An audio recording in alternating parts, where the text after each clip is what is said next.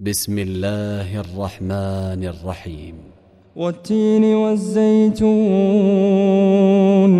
وطور سينين وهذا البلد الأمين.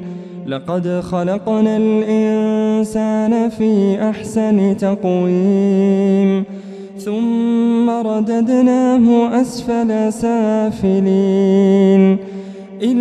الذين آمنوا وعملوا الصالحات فلهم أجر غير ممنون. فما يكذبك بعد بالدين. أليس الله بأحكم الحاكمين؟